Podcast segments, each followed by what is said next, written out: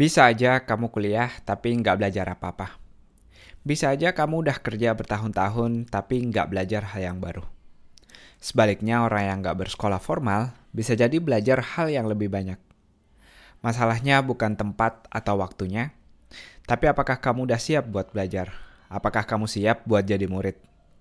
Karena ketika murid sudah siap, gurunya pasti akan hadir.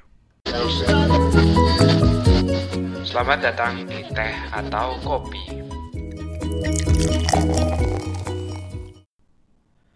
Sekolah atau kampus cocok untuk mencari pengetahuan dasar. Bayangkan teman-teman bersama orang-orang lain di kelasnya, di kampusnya, sejurusannya, seangkatannya, belum lagi sekotanya di beberapa kampus lain di kota yang sama, atau kita bicara se-Indonesia, atau kita bicara seluruh dunia. Mempelajari hal yang sama, punya standarisasi buku yang sama, diajarkan oleh guru-guru yang juga belajar hal yang sama. Secara kos mungkin akan lebih murah bagi negara atau bagi institusi mengajarkan langsung banyak orang. Ya selain seragamnya sama, nanti outputnya juga kemungkinan pengetahuan kita akan sama. Kenapa? Ya karena kita belajar yang hal yang sama dari awal. Saya nggak akan langsung bilang kalau kuliah atau belajar secara formal nggak ada gunanya sama sekali. Tentu pasti ada gunanya dan ada kebaikan yang dipertimbangkan sehingga sistem ini dibuat. Tapi ada banyak alternatif-alternatif lain yang teman-teman sebagai individual bisa lakukan selain sekedar ikut arus atau selain sekedar mengikuti semua yang udah berjalan.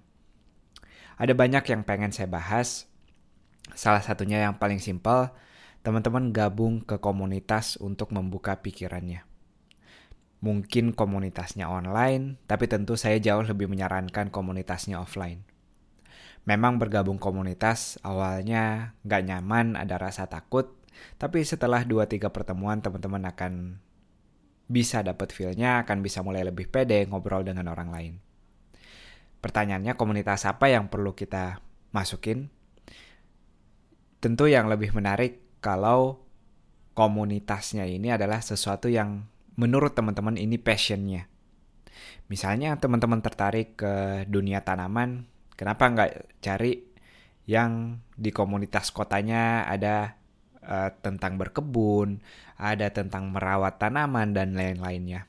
Kita nggak tahu apa yang kita ekspektasi pada saat bergabung di komunitas itu, tapi kita tahu ada orang-orang yang punya rasa penasaran yang sama yang kita bisa ketemu di sana. Bandingkan dengan kuliah di mana beberapa orang di sana masuk karena itu jurusan yang dia diterima, mungkin dia masuk jurusan itu karena ikut temennya, disuruh orang tuanya, atau itu pilihan kedua karena pilihan pertamanya nggak dapat. Teman-teman akan bertemu dengan so dengan orang ini setiap hari sepanjang tahun sampai teman-teman lulus. Bandingkan ketika kita masuk komunitas, di sini orang-orang yang melawan rasa nyamannya, yang melawan rasa takutnya, yang ingin sama-sama mencari tahu hal yang kita sama-sama tertarik. Kita mulai penasaran sama orang, kita mulai nanya-nanya kesehariannya di apa. Nah di sini kita harus hati-hati.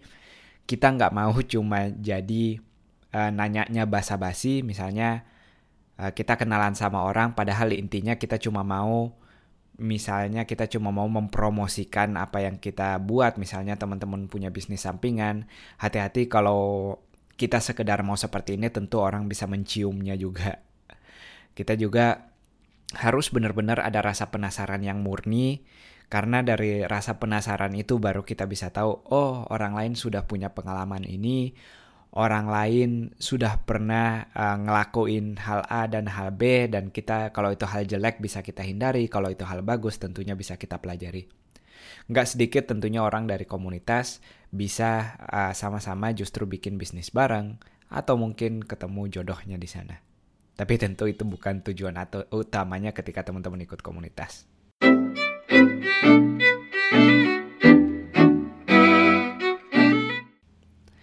Yang berikutnya, kita pindah dengan coba masuk kuliah. loh bukannya poin tulisan ini agar nggak perlu kuliah atau poinnya podcast ini biar kita nggak perlu kuliah bukan bukan itu yang uh, saya tekankan tapi yang saya mau tekankan teman-teman kuliah bukan cuma buat nilai atau buat gelar tapi murni memang pengen belajar sesuatu. Teman-teman coba masuk kuliah nggak harus selesai kuliahnya tapi pastiin yang teman-teman masukin itu adalah pelajaran yang teman-teman memang mau pelajari, memang sesuatu yang pengen bikin-bikin tertarik sehingga teman-teman sama sekali nggak peduli mau lulus atau enggak yang penting saya dapat ilmu pengetahuan itu bayangkan gimana nggak semangat teman-teman tiap hari ke kuliah kalau ini sesuatu yang teman-teman butuhkan yang teman-teman tertarik saat kamu masuk kuliah juga pastikan jangan seperti teman-teman lainnya kalau kamu kuliah pastikan kamu bisa dekat dan bisa bertanya ke dosen profesor di luar waktu mengajarnya, di mana kamu bisa dapat referensi kurikulum atau pelajaran di luar kuliah. Catat referensi-referensi itu dan mulai petualangan belajar kamu di luar kuliah tadi. Dan jangan lupa bagian penting tentunya teman-teman bisa punya koneksi dengan teman-teman yang kreatif, dengan teman-teman yang memang bukan sekedar masuk kuliah sama seperti alasan teman-teman sebelumnya.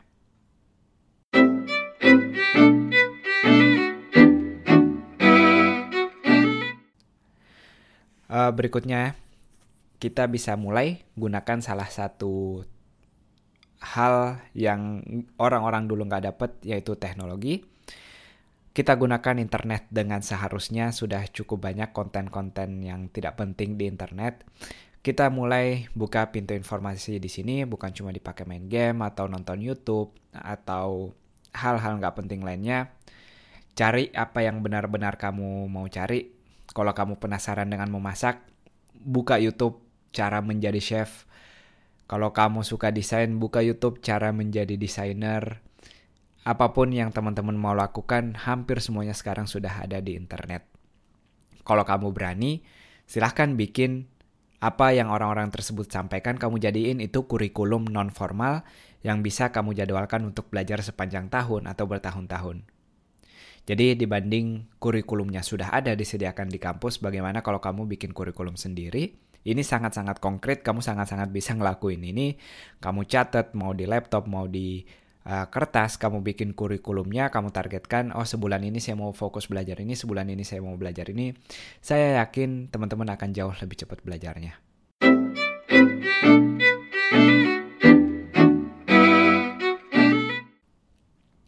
Nah ngomong-ngomong tentang belajarnya lebih cepat, kita akan semoga saya ngomongnya nggak kecepatan sebelumnya karena kita ngomong-ngomong cepat tadi. Kita akan belajar jauh lebih cepat ketika kita mulai magang. Magang artinya teman-teman uh, ngelamar di suatu perusahaan atau ketemu orang yang dewa, uh, orang yang luar biasa yang bersedia menyediakan waktunya untuk teman-teman bisa hands on atau bisa praktek langsung. Karena kadang dengan belajar dan ketemu seseorang yang berilmu secara langsung, kita bisa menyimpan waktu bertahun-tahun belajar secara formal. Um, Naval Rafikan, seorang investor, seorang filosof, bilang specific knowledge atau pengetahuan khusus itu nggak bisa diajarin di kampus, nggak bisa diajarin di sekolah, itu cuma bisa diwarisi dengan belajar dari orang langsung.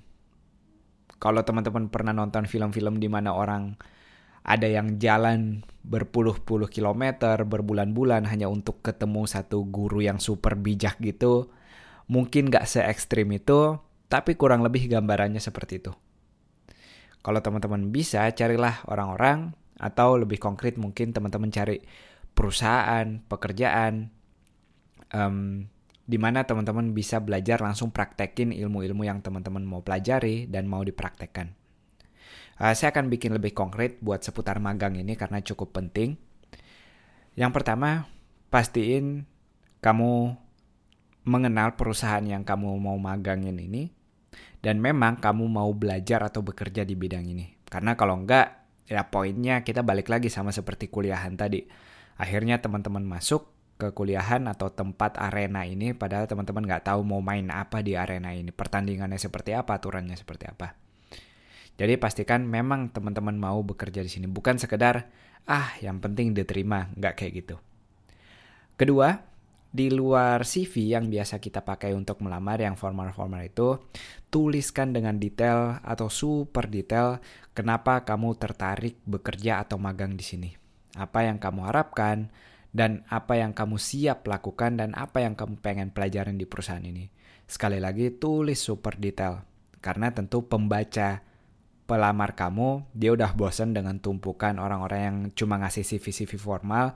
Bayangin kalau kamu udah tahu perusahaan yang kamu mau magangi, kamu udah pelajari mereka strengths-nya di mana, atau kelemahannya di mana, di mana kamu bisa bantu. Kalau kamu bisa ngobrolin itu dengan detail, tentu bukan sebagai informasi buat tempat kamu melamar kerjanya bukan, tapi kamu ngasih tahu kalau kamu benar-benar care dengan perusahaan ini dan kamu pengen belajar sesuatu di sini. Itu tips yang kedua.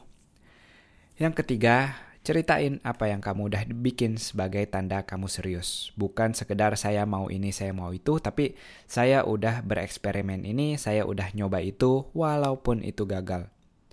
Contohnya kalau kamu seorang graphic designer, silahkan kamu tampilin desain-desain yang selama ini kamu bikin. Gak peduli desainnya itu dipakai atau enggak, tapi kamu udah bikin sesuatu selama ini. Nah, tentu ini bisa memperbesar kemungkinan kamu untuk diterima magangnya nanti. Jadi perbanyak eksperimennya, bikin sesuatu nggak peduli kamu gagal, terpakai atau enggak, yang pasti kamu akan belajar dari situ. Yang terakhir untuk seputar magang ini, ini caranya cukup barbar. Cari orang yang bekerja di perusahaan ini, internet bikin kita nyari seseorang tentu lebih mudah. Contoh kamu mau bekerja sebagai seorang programmer, Cari CTO-nya atau web developer yang sudah bekerja di perusahaan yang kamu targetin ini. Setelah lakukan cara yang sebelumnya saya sindir, cara nomor 2, nomor 3, bedanya kalau sebelumnya kamu ngelamarnya dengan resmi, sekarang kamu mengetuk pintu hati orang ini. Buktiin kalau kamu serius dan belajar dan mau bekerja. Kalau dia tertarik, dia akan mencarikan jalan untuk kamu mulai magang atau kerja. Jadi cari kontaknya, kamu kasih tahu kamu udah uh, melamar jalur formal dan kamu kasih tahu dengan super detail kenapa kamu tertarik di sini dan pengen belajar apa sama seperti sebelumnya. Dan nanti kalau kamu alhamdulillahnya sudah berhasil masuk, jangan tinggalin rasa penasaran yang sebelumnya kamu tulis super detail itu. Tunjukkan seberapa antusias kamu belajar, dekati orang-orang yang mau kamu ambil ilmunya. Bertanya, tapi jangan jadi pemalas. Tanyakan hal yang penting dan bisa bikin kamu mandiri. Seperti saya bisa belajar ini di mana ya? Atau sumber belajar apa yang bagus? Apa saran mereka kalau kamu ketemu kasus tertentu apa atau apa saran mereka biar bisa cepat berkembang? Tunjukkan setiap hari kalau ada progres yang kamu lakukan, bukan cuma rajin bertanya tapi malas berjalan. Jadi jangan tanya hal-hal yang sifatnya informatif yang bisa dengan mudah kamu dapat di internet. Tentu orang juga malas Aduh, itu mah tinggal Google dikit juga dapat. Pastiin kamu nanya sesuatu yang spesifik, sesuatu yang menarik.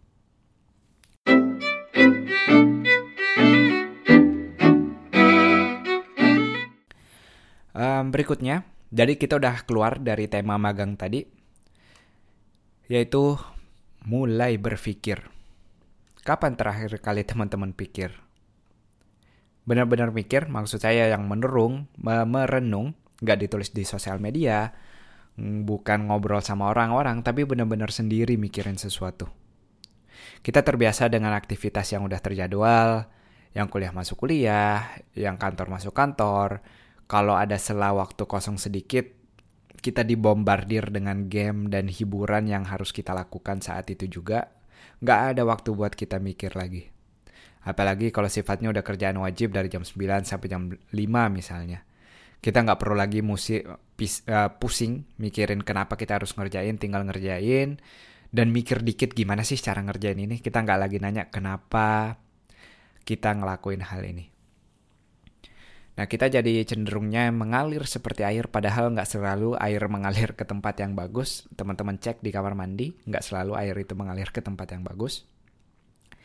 Uh, contohnya mungkin buat teman-teman yang masih belajar biasanya nih kalau skripsi Orang-orang panik nyari judul apa yang bisa diterima karena ada deadline. Dia nggak mikirin kalau judul ini dia peduli sama judul skripsinya ini atau hasil skripsinya ini bisa dipakai di dunia nyata atau enggak. Yang dia pikirin apa bisa diterima sama pengujinya. kita ngerasa skripsi jadi akhir ilmu kita buat dapetin gelar nanti. Sekedar alat buat dapetin kerjaan. Kita nggak mikirin gimana kalau tugas ini saya kerjain bisa benar-benar bermanfaat di luar kampus, bisa diimplementasiin dengan real. Kalau ini semacam proyek, kita nggak mikirin siapa orang-orang yang tepat yang bisa kita ajak gabung untuk merealisasikan proyek skripsi ini.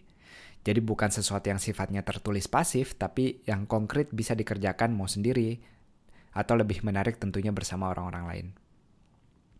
Tugas skripsi akhirnya jadi sekedar salah satu checklist yang harus kita lakuin, bukan karena kita mau, bukan karena kita punya alasan kuat, tapi hanya karena sekedar syarat. Saya ingat banyak dapet email dari teman-teman nanyain mana yang bagus kuliah atau enggak, kuliah apa yang bagus. Saya pengen orang-orang kayak gini bukan pada akhir kampusnya, baru mau mikirin tugas semester akhir, tapi pada saat awal udah mau baru mau kuliah dia mikir kenapa mau kuliah. Kenapa harus kuliah? Kenapa jurusan ini? Karena cuma ikut teman atau ikut orang tua? Atau ada sesuatu yang mau kita kerjain karena kita punya visi besar dan kita harus melewati kuliah sebagai salah satu tahapannya. Jadi uh, itu mungkin tentu teman-teman di sini tersindir yang udah terlanjur kuliah dan merasa menyesal. Tenang aja, nggak ada sama sekali kata terlambat. Ada banyak banget kisah-kisah paling populer mungkin Kolonel Sanders. Dia si rumah kakek yang bikin salah satu fast food, KF Sensor. Dia butuh 62 tahun sampai resepnya ini bisa benar-benar diterima dan akhirnya kita lihat KFC ini bisa populer seperti sekarang. Meskipun saya tidak menyarankan fast food, tapi nggak ada kata terlambat. Kita lihat dia sampai 60-an tahun. Jadi jangan sama sekali mikir kata terlambat. Kita punya internet, kita punya orang yang bisa kita belajar. Asal kamu mau, asal kamu mau mengorbankan waktu-waktu entertainmu, waktu yang dipakai cuma buat nonton, buat nge-scroll nge-scroll Instagram, waktu buat nge-push rank, kalau waktu itu teman-teman mau pakai buat belajar beneran, nggak ada kata terlambat, asal teman-teman mau sadar, mau mulai, nggak malu, pasti bisa. Um, itu tadi kalau contohnya di kuliahan, sekarang kalau contoh mikirnya di tempat kerjaan, ada orang yang dikasih kerjaan langsung dikerjain biar kelihatan rajin. Padahal jauh lebih bagus kalau teman-teman jadi orang yang kritis, orang-orang yang nanyain, kenapa harus ngerjain ini? Awalnya bukan nanya bosnya, kenapa bos ngerjain ini? Coba pikirin dulu sendiri, jangan terlalu songong juga, pikirin sendiri, kenapa ya harus ngerjain ini? Setelah itu teman-teman kasih tahu pertimbangannya, entah itu di meeting, jadi orang yang berani angkat tangan. Kenapa um, kita nggak nyoba alternatif A misalnya? Kenapa kita harus langsung nyobain si B ini? Jadi kita bukan pekerja pasif yang akhirnya kita bosan dengan rutinitas tugas-tugas yang dikasih oleh bos kita. Begitu juga terutama teman-teman yang mau wirausaha secara otomatis, pastiin waktunya bukan sekedar ngeliat textbook uh, hari ini masak, sorenya jualan, misalnya paginya masak, besok jualan, tapi cari hal-hal yang aneh, hal-hal yang nggak dilakuin oleh produk-produk lain, gimana teman-teman bisa bikin produknya ini beda dari yang lain. Mungkin itu terdengar klise, tapi kalau teman-teman nggak mikirin itu, akhirnya teman-teman cuma akan ikut tren atau ikut suatu kata ahli di mana banyak orang yang juga belajar dari ahli ini akhirnya teman-teman akan sama seperti kuliah, sama seperti orang-orang lain. Konkretnya, uh, mungkin setiap pagi teman-teman tulis di kertas atau di laptop apa yang teman-teman mau lakuin, apa hal yang penting teman-teman mau lakuin, pastikan dipikirkan dengan matang. Gak mungkin teman-teman gak punya 10 menit atau 15 menit buat mikirin sesuatu Pasti punya mau itu lagi di shower, mau lagi di mana. Pastiin teman-teman mikir sebelum ngelakuin sesuatu. Itu dia, mungkin sebelum kita tutup saya rangkum sedikit. Jadi ada banyak hal yang kita bisa lakuin selain kuliah. Saya nggak bahas kuliah itu penting atau enggak, tapi apa yang bisa teman-teman lakuin. Masuk ke komunitas atau grup yang punya interest yang sama, kalau teman-teman mau masuk kuliah, silahkan masuk kuliah tapi pastikan karena teman-teman mau belajar sesuatu atau berkenalan dengan teman-teman di situ bikin koneksi untuk bekerja nantinya. Mulai gunakan internet dengan seharusnya, bukan sekedar hiburan. secepat mungkin magang, bekerja di bawah orang langsung. Dan yang terakhir, rajin-rajin mikir. Sayang banget kalau kita dikasih akal sama Tuhan, tapi kita nggak ada bedanya sama tumbuhan sama hewan yang udah mau hidupnya ngalir aja, nggak mau bener-bener mikir. Saya ingat pernah ngepost seputar masalah kuliah ini. Saya tantang teman-teman buat ngelamar kerja, nyari kerja tanpa pendidikan formal. Orang-orang nulis, di Indonesia nggak berlaku bos. Atau paling banyak juga harus ada orang dalam. Masih banyak perusahaan yang mentingin ijazah. Nah sekarang pertanyaannya balik lagi. Apakah teman-teman mau jadi orang kebanyakan atau mau jadi orang yang beda? Apakah teman-teman mau jadi orang yang sekedar ngikut seperti cerita-cerita sebelumnya atau teman-teman yang mau bikin sesuatu yang beda. Poin saya bikin podcast ini tentunya biar teman-teman makin rajin mikir, makin beda dari orang lain. Kalau saya memberi saran yang aman, memberi saran yang udah jelas teman-teman dapat dari kecil, apa bedanya dengan yang lain? Apakah nanti teman-teman kerja karena sekedar mau kerja, karena sekedar digaji, atau teman-teman bisa jadi semacam seniman, orang yang bisa berkarya di sana. Orang yang berani angkat tangan, orang yang berani ngasih alternatif, dan orang yang bisa bawa perbedaan dan bisa produk dari perusahaannya itu bisa bermanfaat buat banyak orang. Ingat, nggak ada kata terlambat, yang penting teman-teman mau mulai, mau malu, mau ngelewatin rasa-rasa takutnya, dan mau mengorbankan hawa nafsu sementaranya, mau hiburan, mau game, dan sebagainya. Itu dia, semoga bermanfaat. Ciao, ciao.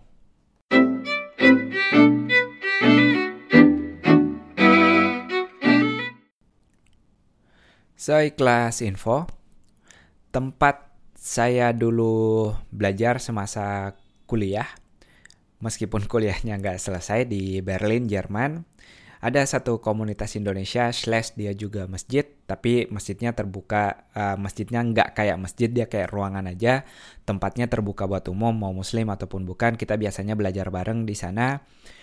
Um, kalau mau olahraga biasanya juga ngumpul di situ. Macam-macam lah kegiatannya di situ termasuk hal-hal berbudaya Indonesia.